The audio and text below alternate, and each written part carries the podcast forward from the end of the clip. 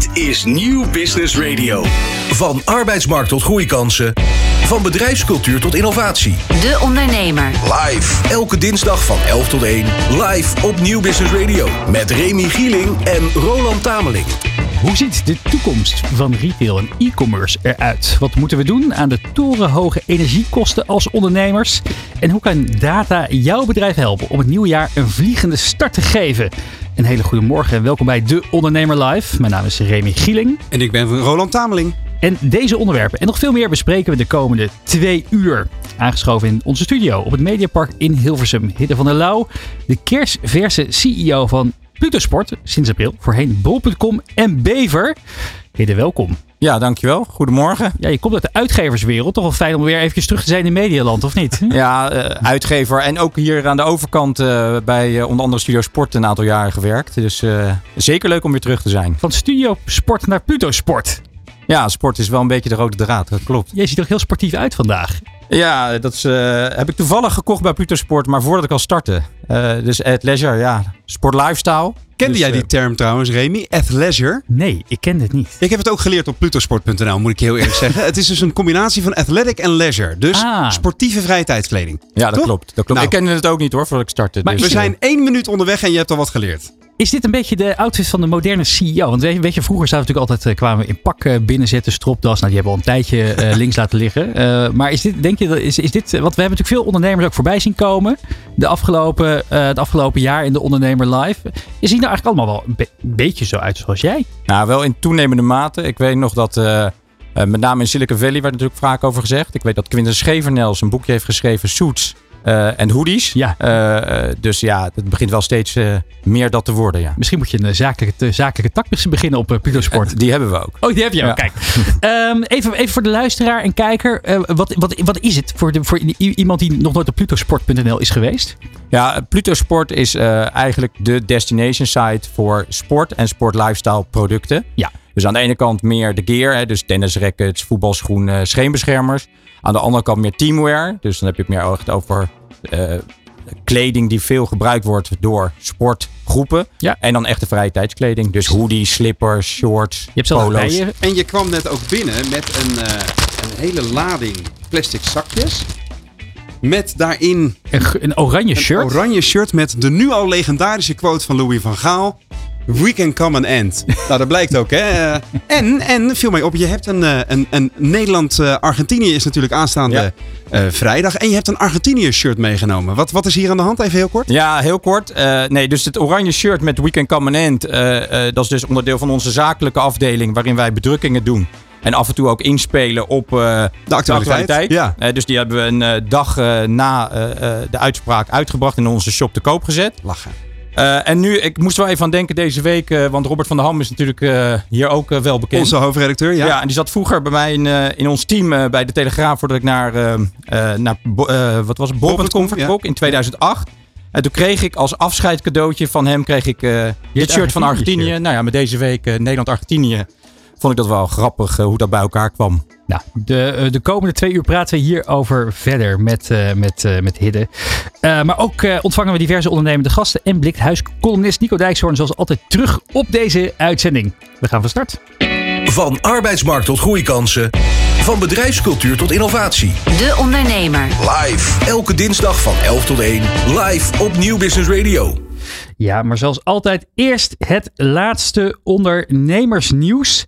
En ehm, eh, dat begint met eh, het aantal Nederlandse banen dat bij start-ups en scale-ups eh, plaatsvindt. Dat is het afgelopen jaar gegroeid. Zo blijkt uit de Startup Employment Report 2022 van Dealroom en TechLeap. In totaal zijn er bij techbedrijven ruim 135.000 arbeidsplaatsen beschikbaar.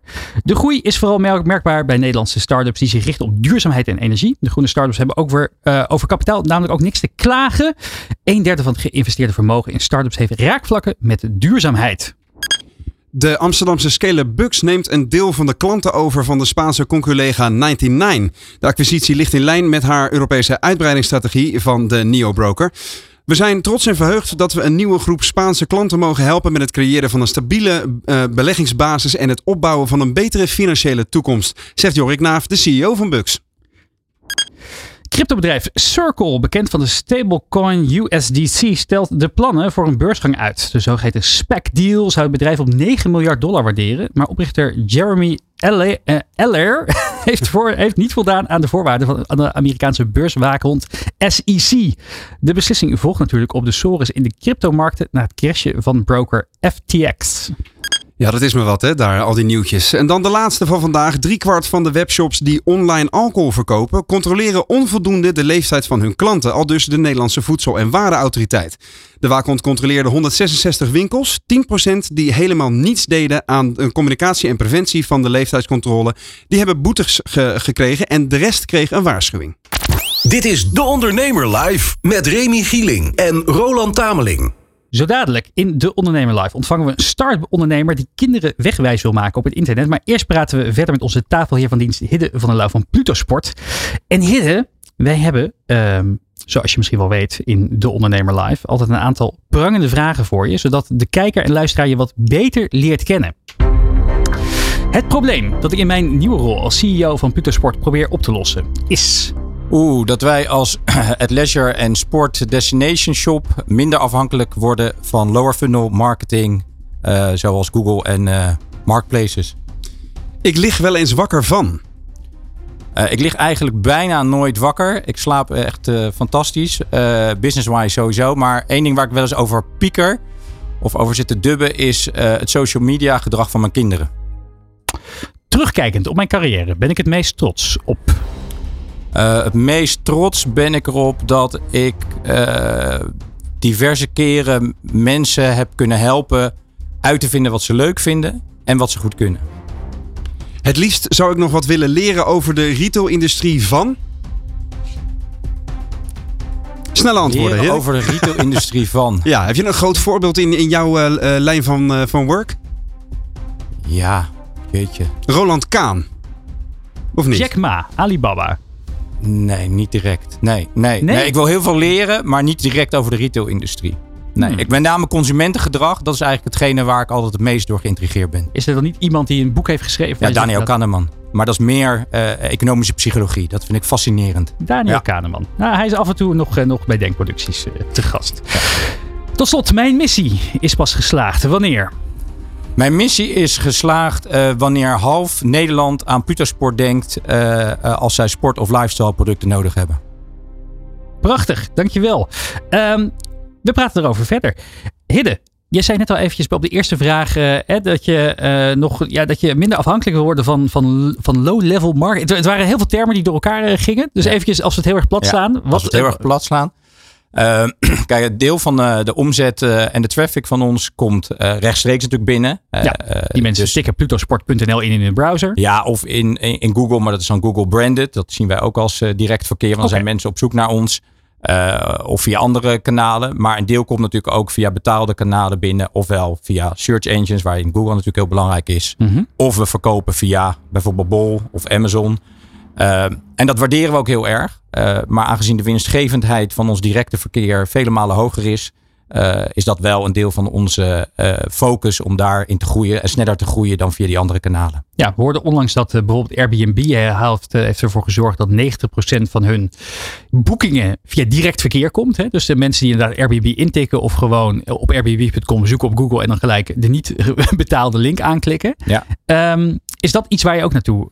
Is dat een beetje iets waar wat een ambitie dan voor je zou kunnen zijn? Ja, exact. Dus eh, eh, zij hebben, ik heb die case even bekeken. En zij zijn met name ook gegroeid in eh, coronatijd. Om ook veel meer echt een preferred partner te worden. En met name ook een belangrijke eh, eh, plaats in het brein van de consument in te nemen via marketing. Mhm. En dat is ook iets wat we gaan doen. We hebben net afgelopen week bekendgemaakt dat we met Joe Public samen als reclamebureau dat gaan, gaan doen. Dus, en waarschijnlijk, dat is in ieder geval het doel, om per februari ook grotere ATV-campagnes te gaan doen. Ja, want Ja. we hadden het net in het voorgesprek er al even over. eh, voordat de camera's begonnen te lopen hier. Eh, Ik zelf heb even in, in eh, voorbereiding op deze show een, een N is omgeving onderzoekje gedaan. Hè? Wie kent plutosport.nl al?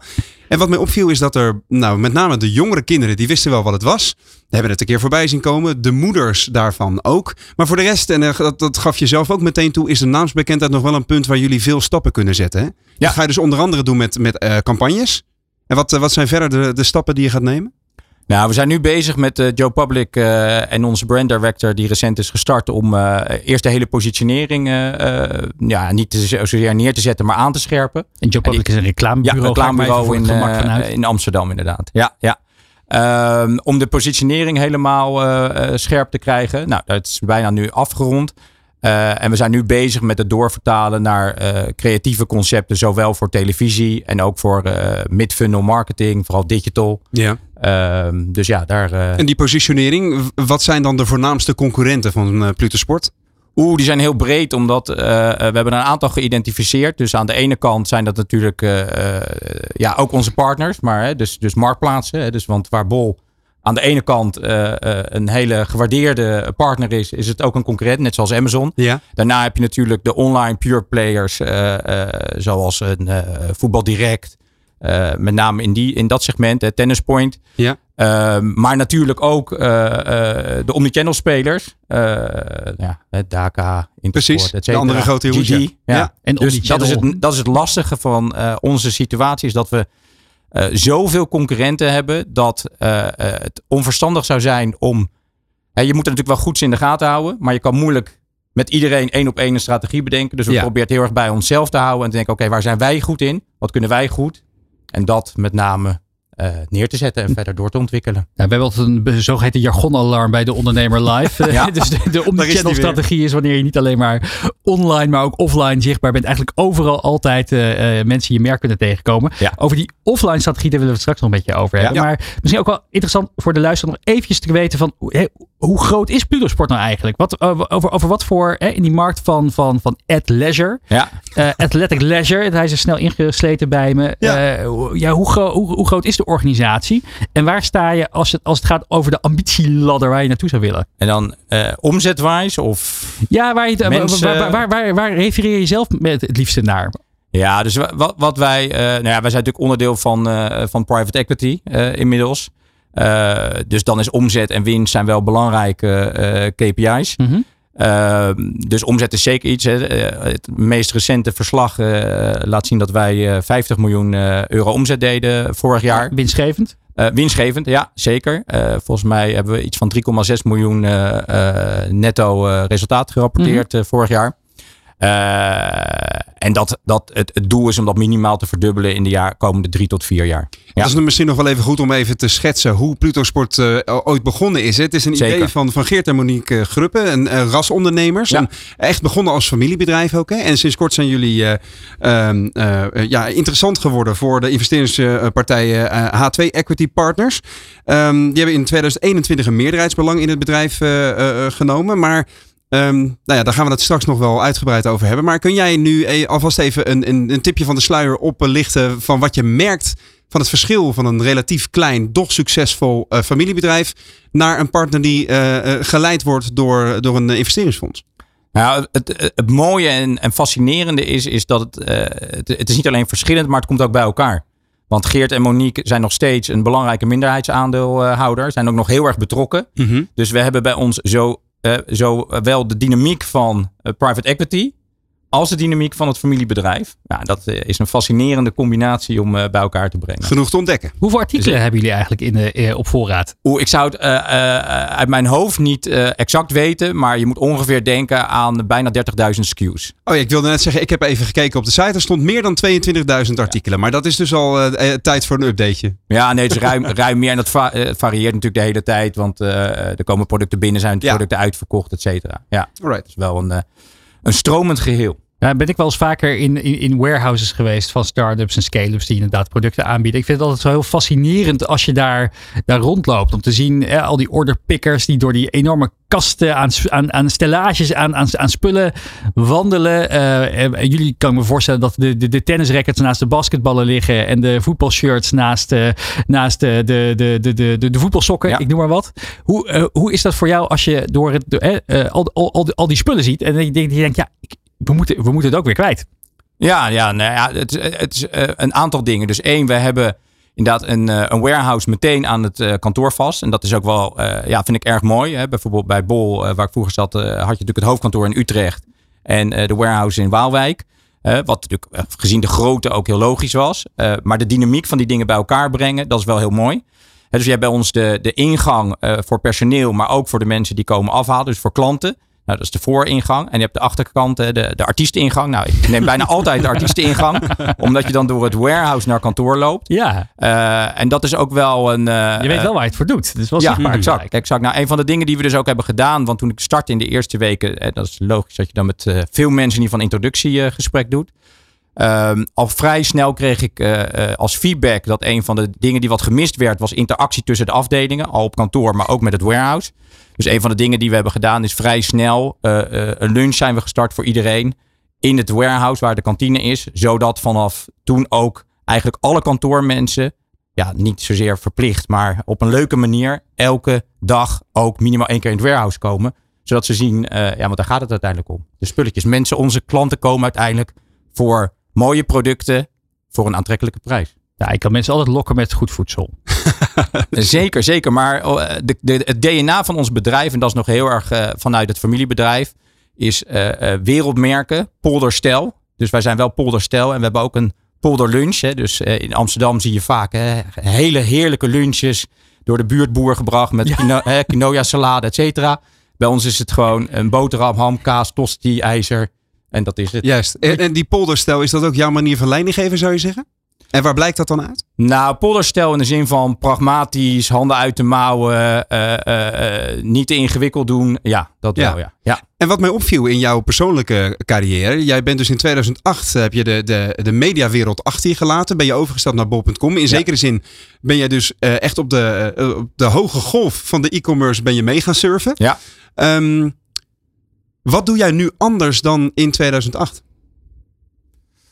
Wat doe ik zelf anders? Oeh, of wat, wat doet de industrie anders? Beide. Beide. Ja. ja, kijk, de industrie is natuurlijk ontzettend doorontwikkeld. Ik weet nog dat ik in 2008 uh, in de uitgeverij bekend maakte dat ik naar uh, Bol uh, ging. En toen Ja. werd ik best wel vreemd aangekeken. Want toen keken heel veel collega's zo van, nou ja, maar je bent heel jong uitgever geworden. Fantastische baan. Door heel veel mensen wilden dat graag worden.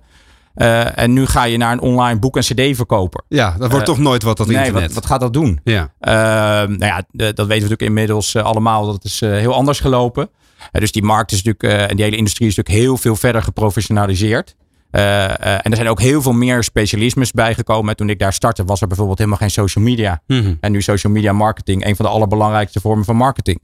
Uh, dus, en zo zijn er heel veel van dit, soort, van dit soort voorbeelden. Dus dat is denk ik een hele belangrijke. Ja, wat je zelf anders doet, uh, dat zit er met name in, uh, in, in management. Ik denk dat ik net zo resultaat gedreven ben als 15 jaar geleden. Ja. Alleen ik denk dat ik wel ietsje rustiger ben en uh, uh, de, de kracht van afwachten iets meer beheerst dan toen. Zo dadelijk gaan we verder praten met Hitte van der Lauw, CEO van Pluto Sport, ook over de uitdagingen die komen kijken bij e-commerce. Maar eerst een businessmodel maken om kinderen veilig op internet te laten surfen. Hoe doe je dat? De Ondernemer. Live op Nieuw Business Radio. Aangeschoven in de studio Marjolein van Tilburg, oprichter van Startup Chat License. Dat is een app ontwikkelt om kinderen veilig en op een leuke manier te leren hoe om te gaan met het internet. Marjolein, welkom. Welkom, dankjewel. Ja, leuk, eh, leuk dat je er bent. Uh, je bent de Chief Chat License. Wat, hoe, uh, hoe is dit idee ontstaan? Uh, dit idee is ontstaan uh, bij mij thuis. Uh, toen ik mijn eigen kinderen bezig zag met hun eerste smartphone. Hoe ging dat?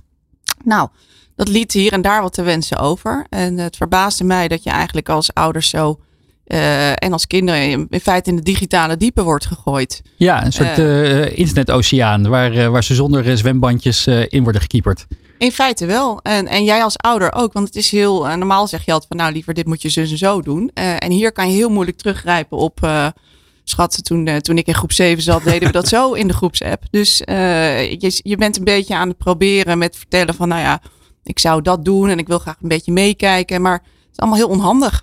Ja, voor, voor, voor, voor, voor mensen zonder kinderen, zoals ik zelf, kan je, kan je nog iets concreter maken. Hoe, hoe, hoe werkt dat? Eh, je, je, ik denk dat kinderen uh, linksom of rechtsom wel eens een keer een smartphone pakken of een tablet. Uh, ja. je moet er dan de hele tijd naast zitten eigenlijk om te weten wat ze aan het doen zijn. Nou ja, ze zijn natuurlijk inderdaad al heel lang mee bezig. Omdat wij uit gemakzuchtigheid natuurlijk vanaf uh, jonge leeftijd ze al, uh, als wij rustig willen eten, ze even met Gaan we even een iPad, kijken. Uh, ja.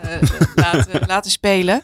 Ehm, dus die kinderen die kunnen ook al hartstikke veel. En eh, meer, dan, meer dan wij zelf. Eh, alleen zo'n eerste telefoon die echt een smartphone is, dat is toch wel een ander ding. Want dat is een heel persoonlijk, beetje invasief uh, volgcomputerapparaat.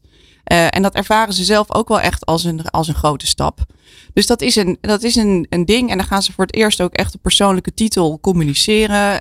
groepsapps, ze gaan al die spelletjes doen. Ja. Uh, dus ik maak allemaal accounts aan. Dat is echt wel, uh, echt wel een ander ding dan. De eerste uh, TikTokjes beginnen te komen dan hè, op, die, op die leeftijd al. En, maar je zou chatlijsters dus als het ware kunnen zien als de, de reddingsboei in de digitale oceaan. Om even Remy zijn analogie aan te houden. Maar wat doet die app dan precies? het is dus echt een app die die kinderen voorbereidt op hun eerste mo mobiele telefoon. Uh, en uh, de insteek is dat als jij dan zegt van nou gefeliciteerd uh, liever, uiteindelijk het is zover, gefeliciteerd met je verjaardag of kerst of, of whatever. Ja. Hier is die dan, dan staan ze natuurlijk helemaal juichend klaar. Want daar is mijn, weet ik het, dan is het een beetje een teleurstelling. Dan krijg je natuurlijk een oude iPhone. Ja. van je, een scherm, een de 14 Pro Max dus, helaas. De 14 Pro Max, die stond bij mijn dochter op het, op het verlanglijst, maar het is weer niet geworden. Um, maar nu is, komt er een nieuwe stap uh, door ChatLicense in die, laten we zeggen, uh, smartphone customer journey. Uh, want dan zet je ChatLicense er eerst op en dan zeg je liever het gefeliciteerd, maar eerst je ChatLicense halen voordat jij daarmee echt aan de slag kan gaan. En dan is het dus eigenlijk de introductiecursus die je zelf als ouder niet kan geven. De naam impliceert ook dat het iets met chatten te maken heeft. Wat is de chatcomponent hiervan? Nou, uh, het, het gaat natuurlijk chatten is, is communiceren. En uh, de communicatie en hoe moet je leren communiceren is een super belangrijk onderdeel van, uh, van ChatLicense. Want kinderen die krijgen dat ding nu eigenlijk in groep 6, 7, 8 gemiddeld. En dat is een leeftijd best wel kwetsbaar. En dan zijn ze juist heel erg aan het leren communiceren. Dus ze zijn daar nog volop in ontwikkeling. En dan krijgen ze op dat moment eigenlijk die, die, die, die telefoon met die onbegrensde mogelijkheden. En dat is een soort soort handgranaat eigenlijk in dit verband. Ja. En het kan gewoon, it, it can explode in your face, uh, zal maar zeggen. Ja, het kan of heel uh, goed gaan of heel slecht precies, natuurlijk. Dus chatlicense, het is, uh, dat is dus eigenlijk wat het zegt. Het is eigenlijk een soort diploma om te leren chatten. want chatten is toch iets anders dan praten. Face-to-face -face als je iemand ziet. Want dat moet toch in dat ding. Dat gaat soms in groepsapps. soms moet je comments ergens op leveren. Nou, we willen ze daar gewoon even in, in meenemen wel ook een paar, uh, een paar, laten we zeggen, tips geven over hoe, hoe moet je dat doen. Een soort online etiketten komt zeker uh, aan de orde. Ja. Want dat is ook iets wat, um, uh, ja, wat, wat zweeft en waar, waar veel mensen iets over, over vinden. Maar wat dan pas later aan, aan bod komt. Dus we denken dat het heel goed is om toch een soort basis neer te leggen.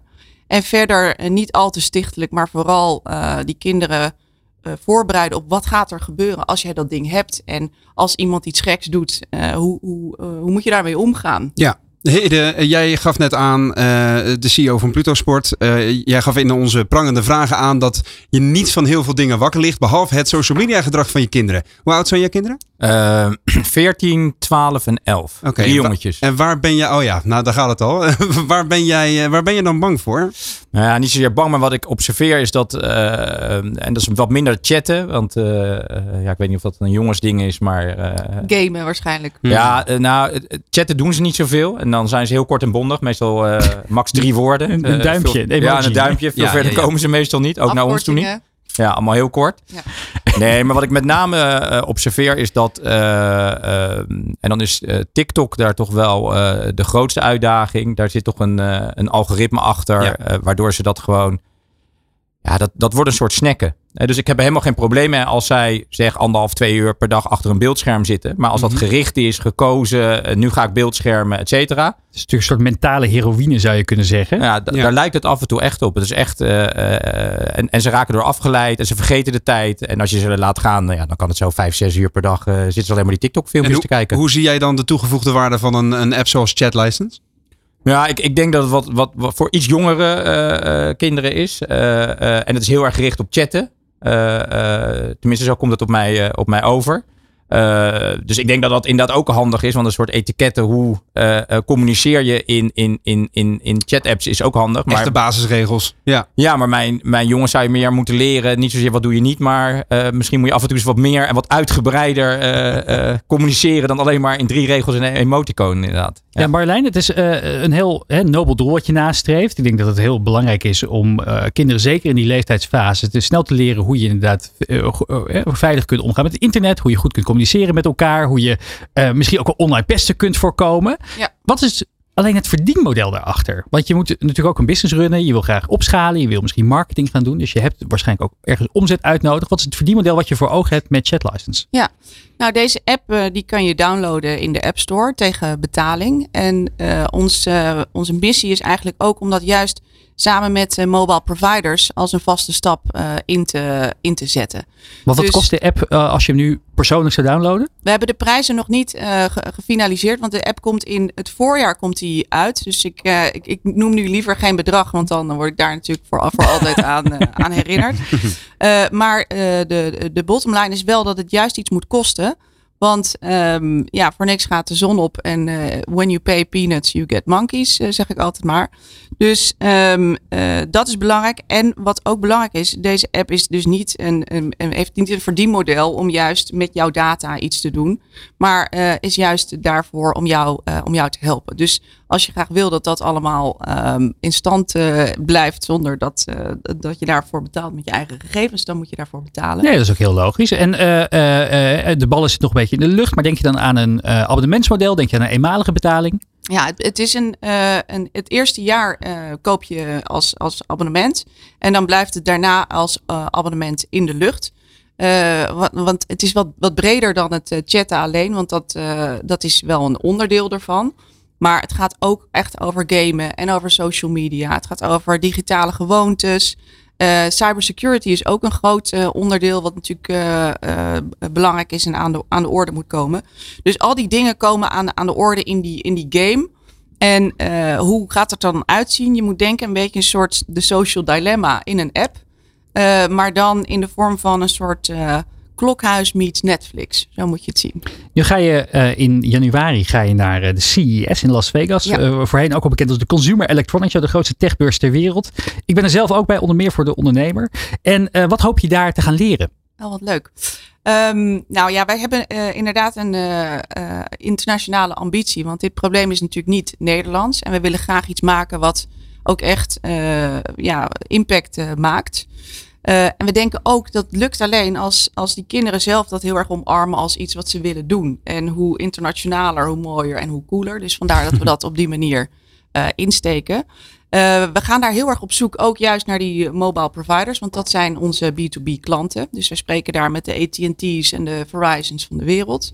Ehm, ja, Netflix is daar ook iets dichterbij, dus ik ho- hoef niet bij Netflix te zijn, maar we, eh, in, in, de, in de basis worden wij straks echt een productiebedrijf, omdat we dus allemaal scenario's ook op video doen eh, en animaties en challenges. Maar er zit heel veel videowerk ook in onze app.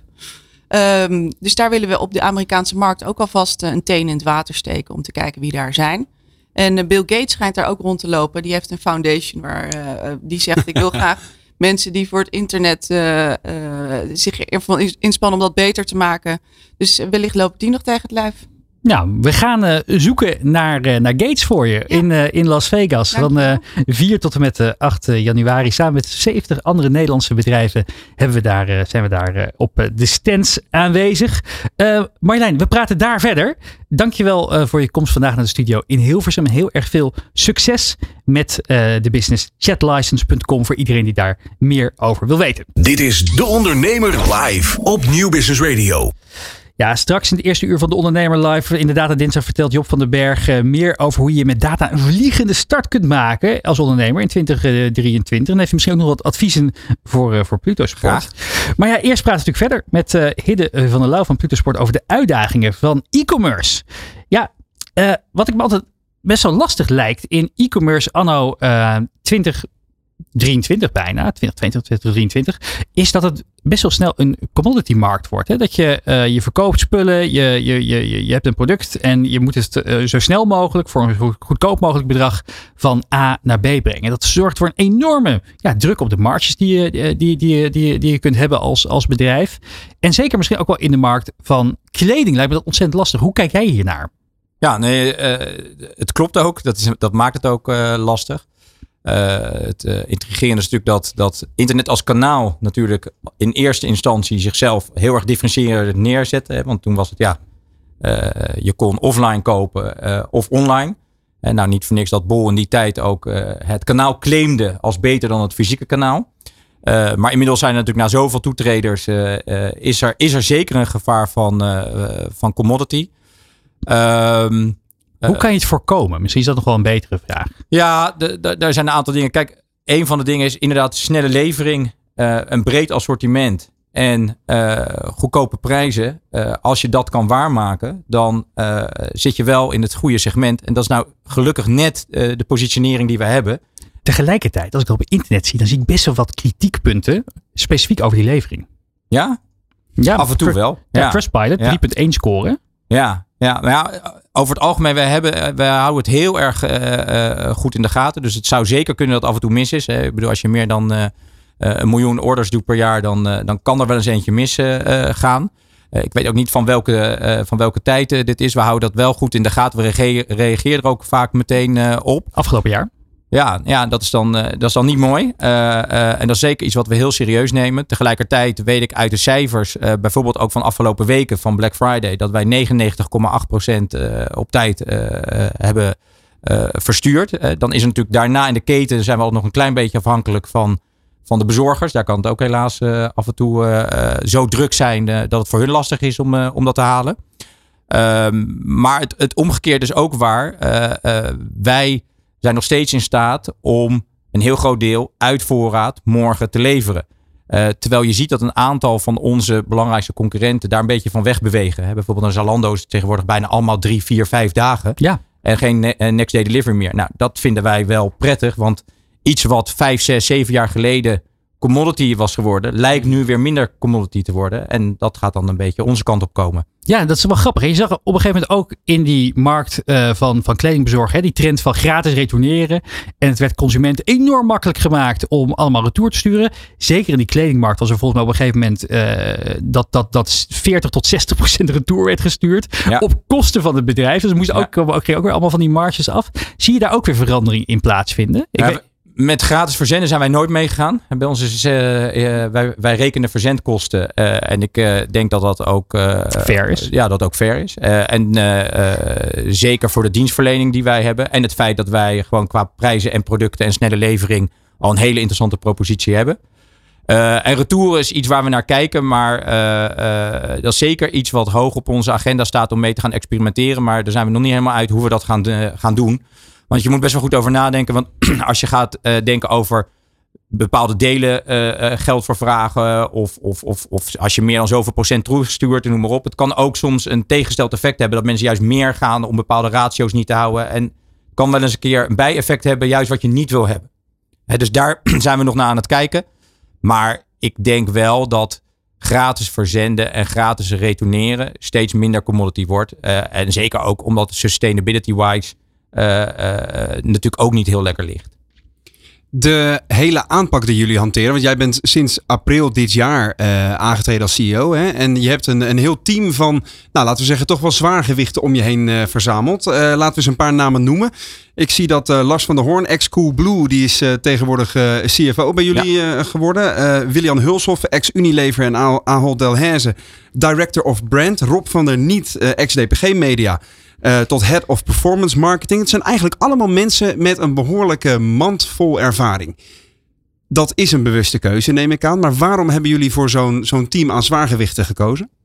Ja, nou, zwaargewichten. Uh, het zijn mensen met in ieder geval heel veel ervaring. Mm -hmm. uh, uh, en tegelijkertijd zijn de meesten ook nog wel steeds vrij jong. dus bijvoorbeeld Lars is 32. Ja. dat, is, dat is niet een hele. niet een CEO met, met 30 jaar op de teller. Bovendien allemaal zeer atletisch natuurlijk. Bovendien ja. allemaal zeer atletisch. Zeker, zeker. Allemaal zeer atletisch en sportgericht. Nee, dus ja, kijk, eh, e-commerce eh, eh, wordt steeds complexer. Hè, er Mhm. komt steeds meer bij. Eh, Ja. het, het gaat steeds meer, het wordt steeds meer een spelletje van perfecte executie. Hè, want, want zowel een deel is commodity. ja, er zijn niet enorme strategieën in de markt van e-commerce waarbij, de ene, eh, waarbij je iets uitvindt wat een ander niet makkelijk kan kopiëren. Dus executiemanagement is heel erg belangrijk. Ja. En dan helpt het wel als je op al die verschillende pocket of excellence, hè, dus, dus expertisegebieden, mensen hebt zitten die dat spelletje, dat deel van het spelletje, waanzinnig goed begrijpen. En daarmee, en dat is ook wel een beetje wat we proberen bij elkaar te brengen, ook de hele goede mensen die er al zitten, ook verder te helpen en verder door te ontwikkelen, zodat zij ook eh, die stappen kunnen nemen en ook kunnen doorleren. Want bij ons in het bedrijf, dat is echt best wel heel jong. Nou, Mhm. dat is heel fijn. Hè? Eh, heel veel energie. Ja. Eh, heel veel toewijding. Eh, maar ook wel wat minder ervaring. En dan helpt het wel als je natuurlijk stappen wil maken om met z'n allen daar wat extra ervaring aan toe te voegen. Nu bestaan jullie sinds 2005. Je bent zelf natuurlijk eh, sinds april hierbij Ja. eh, betrokken. Maar wat mij opvalt is dat ehm, eh, eh, jullie kiezen voor een online only strategie op dit moment. Eh, terwijl we eh, hebben een hele hoop ondernemers in de retail voorbij zien komen en de e-commerce voorbij zien komen het afgelopen jaar. Van Roland Kaan, eh, Mr. Coolcat, tot, eh, tot eh, de oprichter van eh, Nolsen, de jonge ondernemer die, eh, die eh, in, eh, in, eh, in, de, in, de- in de maatshirts of in de, in de shirts eh, handelt onder meer. Ja. En zij hebben allemaal op redelijk snel, ja, redelijk snel ook ingezet op, op, eh, op fysieke winkels. Hoe kijk jij naar fysieke retail als het gaat over die markt waar jullie in zitten? Ja, dus eh, één, ik denk dat eh, eh, eh, fysieke retail, online en omnichannel hebben alle drie een belangrijke rol. Dus het, het, het kan alle drie succesvol zijn. Ehm, in het verleden, zeker bij Bol, heb ik wel een aantal keer gesuggereerd. Daar zat ik juist aan de kant die zei van, moeten we niet ook een aantal winkels openen? Want het heeft natuurlijk wel gewoon een aantal voordelen. Ehm, Bol heeft toen de keuze gemaakt om een, een andere hele slimme strategie te doen. En juist eh, in marktplaatsen te gaan. Hè, waar Coolblue eh, juist wel winkels is gaan openen. Bij Bever hadden we natuurlijk wel het eh, gecombineerde model. Dus ik ben ook niet van de school die zegt, ja, ik geloof alleen maar in pure play en niet in omnichannel of, of fysieke retail. Wat zijn de grootste voordelen van winkels volgens jou? Ja, de grootste voordeel is, is één, eh, eh, de fysieke aanwezigheid. Hè. Dus voor sommige producten willen mensen toch graag producten voelen, vasthouden, passen, et cetera. Twee, eh, de fysieke nabijheid. Hè. Soms als je het heel snel wil hebben of, of het is gewoon hè, een sociale activiteit. Je kan in het, in het dorp of in de stad komen en shoppen. Dat kan ook soms, voor sommige mensen vinden dat heel leuk en aangenaam. Naamsbekendheid. Naamsbekendheid is een derde, zeker. Zeker de traffic die daaruit eh, uit voortkomt. Ehm, dus dat zijn een aantal eh, voordelen en een aantal modellen. Maar dan ga je wel heel diep eh, de retail... Filosofie in. ja, en e-commerce in. Hè. Kijk, als je kijkt naar wat wij doen, is per unit economics. Hè, dus de kosten die direct gerelateerd zijn aan het, het, het leveren van een verkoop. Ehm, die zijn heel belangrijk, zeker in e-commerce. En die zijn eigenlijk in e-commerce en fysieke retail anders. En er zijn een aantal interessante modellen, met name leenmodellen, eh recyclingmodellen, et cetera. Die als je winkels hebt veel makkelijker te executeren zijn dan als je alleen maar pure play bent. Want die kosten waar we het net over hadden om dingen in te leveren, et cetera, die zijn heel erg hoog eh, op een order. Eh, zeker in, in de markt waar wij zitten. Als je natuurlijk producten verkoopt boven de 500, 600 euro, dan gaat, is het weer een ander spel. Dus dat is ook een voordeel eh, eh, eh, van fysieke retail. Ehm, wij hebben vroeger overigens winkels gehad, stuk of vier, vijf eh, in het begin. Dat waren met name meer, out, het was meer een outlet concept. Nou, dat hebben we laten gaan, want dat hebben we in die tijd niet helemaal succesvol gekregen. Het van niet zo succesvol als e-commerce werd. Ehm, het is zeker iets, zeker met mijn achtergrond, waar we af en toe naar kijken en over nadenken. Ehm, het enige is, als je dit wil doen, moet je het vaak ook wel op een, op een bepaalde schaal doen. Ja, dus één- winkel één- is niet geen zoveel. winkel. Ja.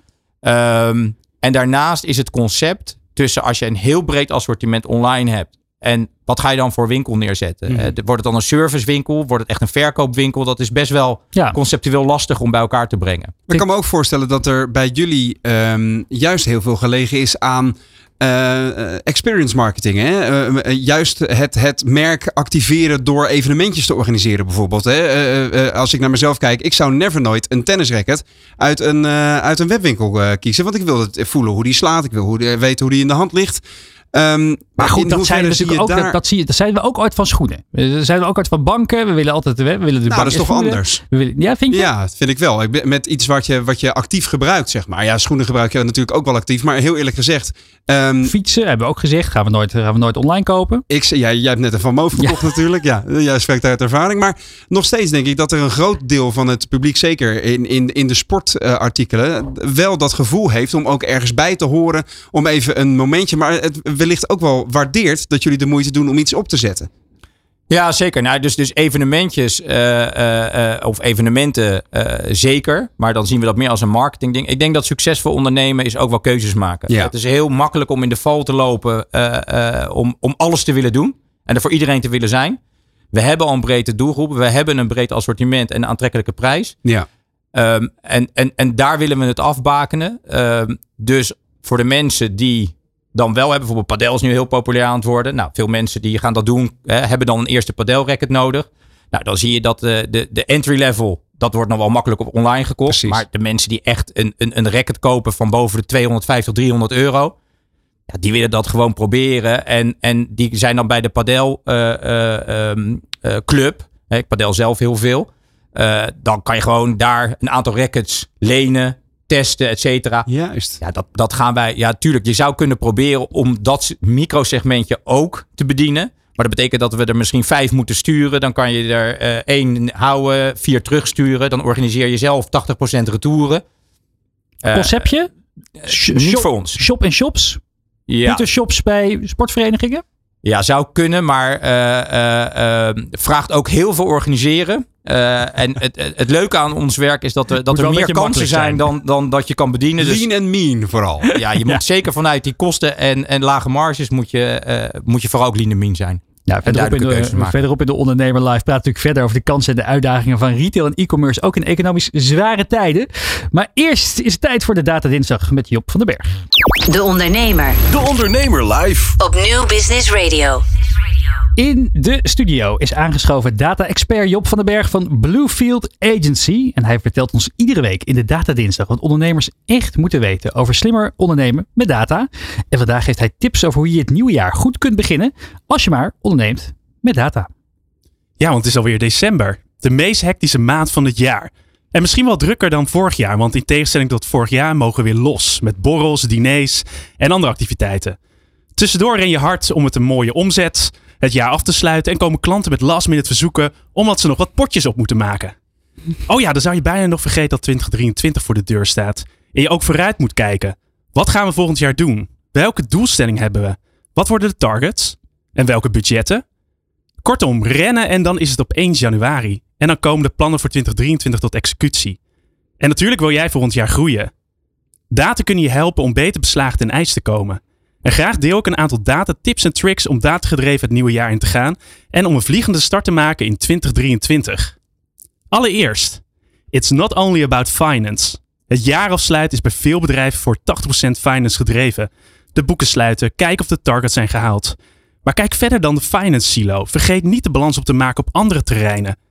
En sluit je af vanuit verschillende lenzen. Denk aan klanttevredenheid, medewerkerstevredenheid, maar ook economische omstandigheden, mediabesteding en HR-ontwikkelingen. Wat is het afgelopen jaar op deze terreinen gebeurd? Een daling, een stijging? Deze verbrede scope biedt een aantal voordelen. Allereerst, je beoordeelt het jaar op meer dan enkel financiële aspecten.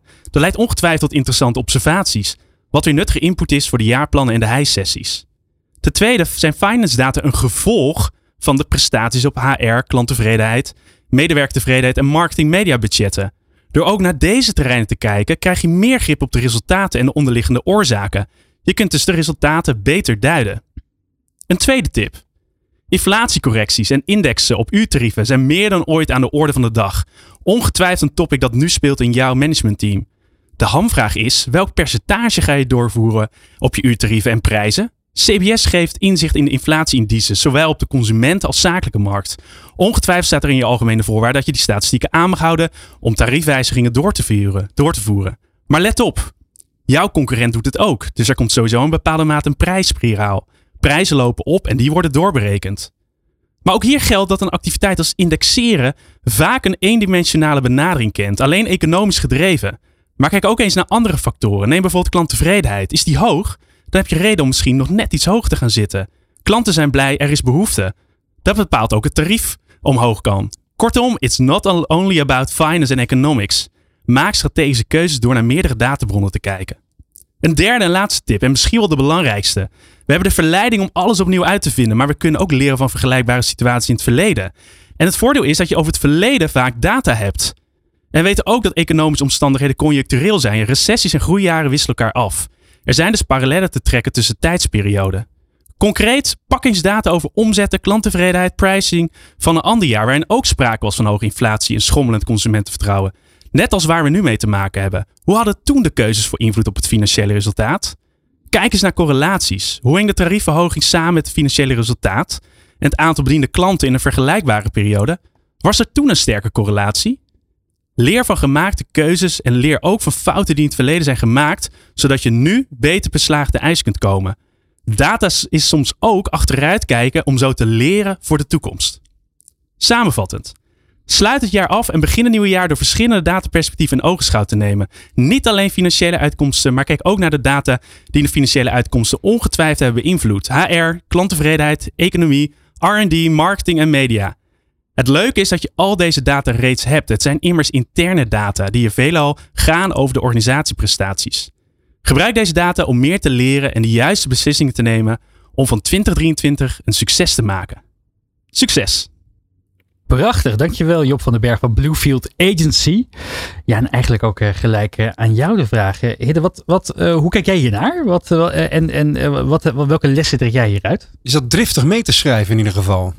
Ja, omdat wat ik er, wat ik er mooi aan vind inderdaad is dat het zinnetje dat met name financiële resultaten zijn uiteindelijk de uitkomst, en beter gezegd de optelsom, of soms aftreksom, dat kan ook, van alles wat je daarvoor doet. Ehm, en maar ook aan de andere kant, en daar zat ik een beetje uh, op te reflecteren, ook juist helemaal het begin. Dus een van de dingen, bij ons is is het beide. Dus aan de ene kant is, uh, nee, bij ons is veel, gaat om mensen. dus wat wij doen is allemaal mensenwerk. Dus dat is wel de kern van waar wij mee bezig zijn. En meer dan de helft van wat we aan het doen zijn, is, is hoe laat je mensen uh, zo goed mogelijk hun werk doen. Uh, en zo goed mogelijk bijdragen. En ook met een maximale toewijding. Dus dat is wel echt iets uh, waar wij heel veel mee bezig zijn. dat is heel anders of je het hebt over een, over een data scientist of mensen in het warehouse. Die, die, ja, dat is gewoon een, een, een ander slag mensen die andere dingen doen en ook andere dingen vragen. Um, tegelijkertijd is inderdaad de optelsom van al die dingen wat eruit komt. Nou, dat is inderdaad het financiële ding. Maar het is ook heel erg aan de voorkant, want wij besteden heel veel aandacht in het doorgronden van hoe onze business bedrijfseconomisch werkt. Dus dan heb je het echt over een, een heel granulair model van per unit economics. He, dus dus uh, één unit, dus zeg één verkoop. Over verschillende categorieën, via verschillende kanalen. wat is de ingangsmarge? wat zijn de kosten die er direct aan toegerekend kan worden? Welke dynamieken zitten erachter? En hoe kan je die beïnvloeden? Nou, dat is wel iets waar we heel erg. Dus bij ons is het aan de voorkant. Het begrijpen.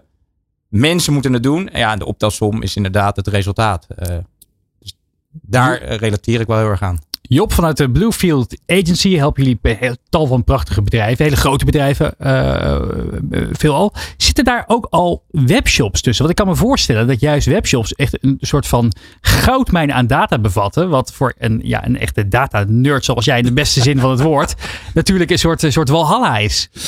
Meer helpen bedrijven die vrij traditioneel zijn en eigenlijk de webshop shop gaan, of e-commerce gaan ontdekken. Dus echt specifiek webshops, niet zo vaak, omdat die ook al heel vaak al automatisch datagedreven werken. Hè? Als je een webshop bent, misschien herken je dat ook, ben je eigenlijk al datagedreven, heb je minder ook uh, daar een ondersteuning dan. Maar meer bedrijven, en dat vind ik ook wel een hele leuke uitdaging, die te vrij traditioneel zijn en dan het e-commerce kanaal gaan ontdekken en dan ook te maken hebben met zeg maar de traditionele way of working. En zie dan maar die slag te maken. Dus daar, daar focus, focus ik mij uh, meer op met mijn teams. Wat voor, uh, wat, voor, wat voor datapunten zou je nog wel meer naar kunnen kijken? Want ik kan me voorstellen dat heel veel webshops. Nou, die hebben natuurlijk uh, tal van data over bestellingen, recurring klanten, hè, klanten die terugkomen naar je webshop.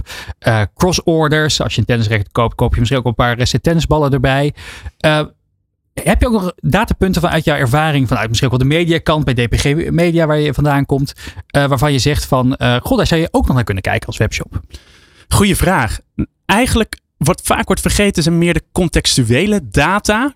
Uh, die worden nog eens vergeten, misschien juist nu, de economische omstandigheden. Maar ook bijvoorbeeld in dingen als uh, de geboorteaantallen. Want dat heeft natuurlijk ook weer implicaties. Of dingen als de grootte van gezinnen in bepaalde landen. Als je bijvoorbeeld in verschillende landen bezig bent. Die verklaren ook vaak dingen, trends die je niet helemaal kan begrijpen. Maar eigenlijk heel logisch zijn als je de context meent. Dus contextuele data zou ik daar willen toevoegen.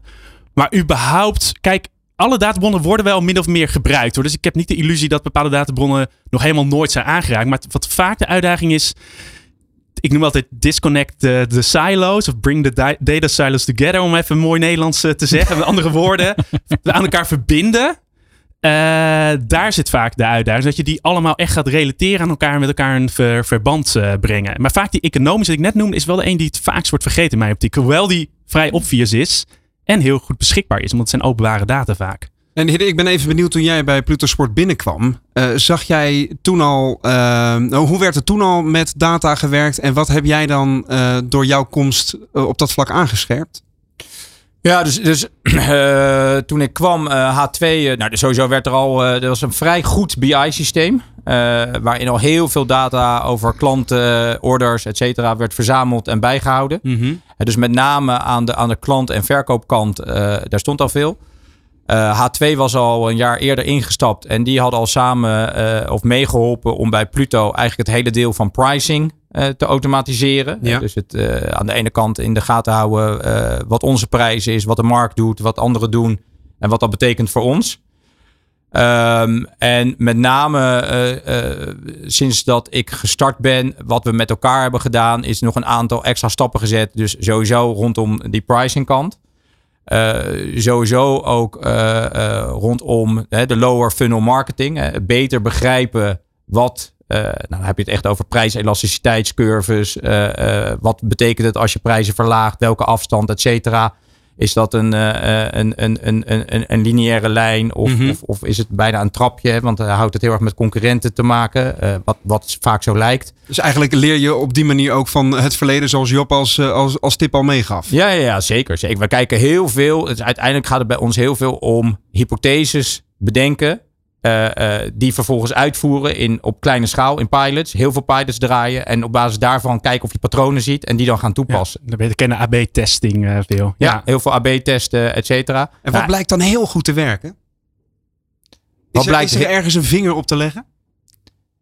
Nou ja, uiteindelijk in de basis gaat het natuurlijk om, om, om, om consumentengedrag. En het gaat om, om, om één ding, is relevantie.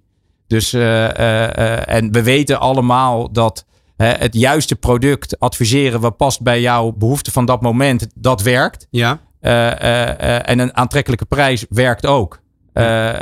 dus als je kijkt naar, naar, naar consumentengedrag, dan zie je natuurlijk wel een aantal drivers daarachter, die heel veel mensen hebben. Tegelijkertijd aan de andere kant, en dat is wat Daniel Kahneman natuurlijk ook laat zien, hebben we een aantal andere gedragseconomen.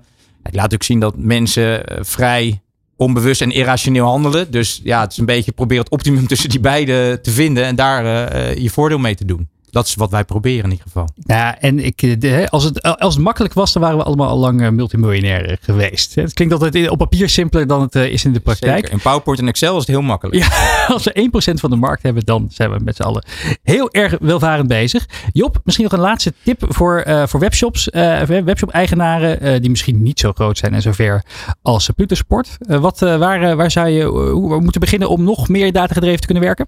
Nou, de webshop is een heel dankbare manier om te laten zien wat de waarde van data is. Want ik weet niet of je het herkent, als je soms kleine aanpassingen doet, kan het al heel veel opleveren. Dat zijn het echt 0,02% levert dat op. Maar omdat er zulke grote aantallen zijn, heeft dat toch best wel een significante impact op, op de financiële resultaat. En juist om die reden dat je een webshop best wel goed de ROI, de return on investment, dus wat je ermee kan bereiken met data inzichtelijk kan maken. Want mensen kopen het meer, je past iets aan op de website. Het is zo duidelijk. Er zou ik webshops aanraden om gewoon eens wat dingen te proberen. En dat AB testen, wat niets anders is dan probeer een keer uit, kijken of het werkt en dan implementeer het ja of nee. Uh, dat zou ik zeggen, ga het gewoon eens proberen, try on error. En laat ook zien van jongens, we hebben dit plaatje aangepast, want we denken dat om die en die reden. Dat heeft dit opgeleverd en dan gaat het vliegwiel ook sneller draaien. We gaan er even tussenuit voor de break. Straks in het tweede uur van De Ondernemer Live hebben we, nu- hebben we meer ondernemende gasten. Bespreken we onder meer de energiecrisis. Bezorgen we met bakfietsen. En is er natuurlijk een nieuwe Nico Dijkshoorn. Mis dat niet, we zijn zo terug. Job, dankjewel. Van arbeidsmarkt tot groeikansen. Van bedrijfscultuur tot innovatie. De Ondernemer. Live. Elke dinsdag van 11 tot 1. Live op Nieuw Business Radio.